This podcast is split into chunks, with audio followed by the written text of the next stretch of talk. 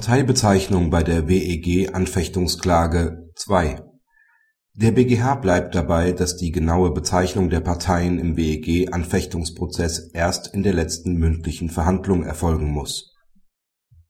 Im Rahmen einer Anfechtungsklage wählt der Kläger die Bezeichnung Wohnungseigentümergemeinschaft bestehend aus den Eigentümern gemäß beigefügter Liste in der Klagebegründung wird die Bezeichnung Beklagte Wohnungseigentümergemeinschaft verwandt.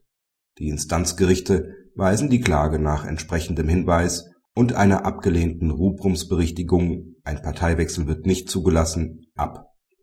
Der BgH folgt dem nicht. Vielmehr bleibt er bei seiner jüngeren Rechtsprechung, dass eine genaue namentliche Bezeichnung der beklagten Partei erst in der letzten mündlichen Verhandlung erfolgen muss Daher ist insoweit auch die Klagefrist in § 46 Absatz 1 Satz 2 WEG ohne Belang. Die Möglichkeit nach § 44 WEG die Parteien nicht unmittelbar mit der Klageerhebung benennen zu müssen, soll insbesondere den anfechtenden Wohnungseigentümer in einem Verfahren, in dem kein Zwang besteht einen Rechtsanwalt zu beauftragen, vor Überforderung schützen. Kritik die frühere Rechtsprechung des BgH hat Zustimmung wie Kritik erfahren.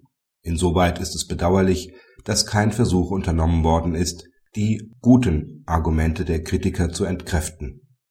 Der Zweck des § 44 WEG besteht nicht darin, wie der BgH offensichtlich annimmt, dem Kläger Erleichterungen zu verschaffen, die richtige Partei auszusuchen.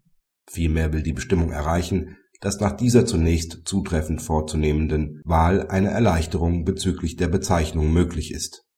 Der BgH erklärt auch jetzt nicht, wie vorzugehen wäre, wenn ein Anspruch sowohl gegen die Wohnungseigentümer als auch gegenüber dem Verband geltend gemacht werden könnte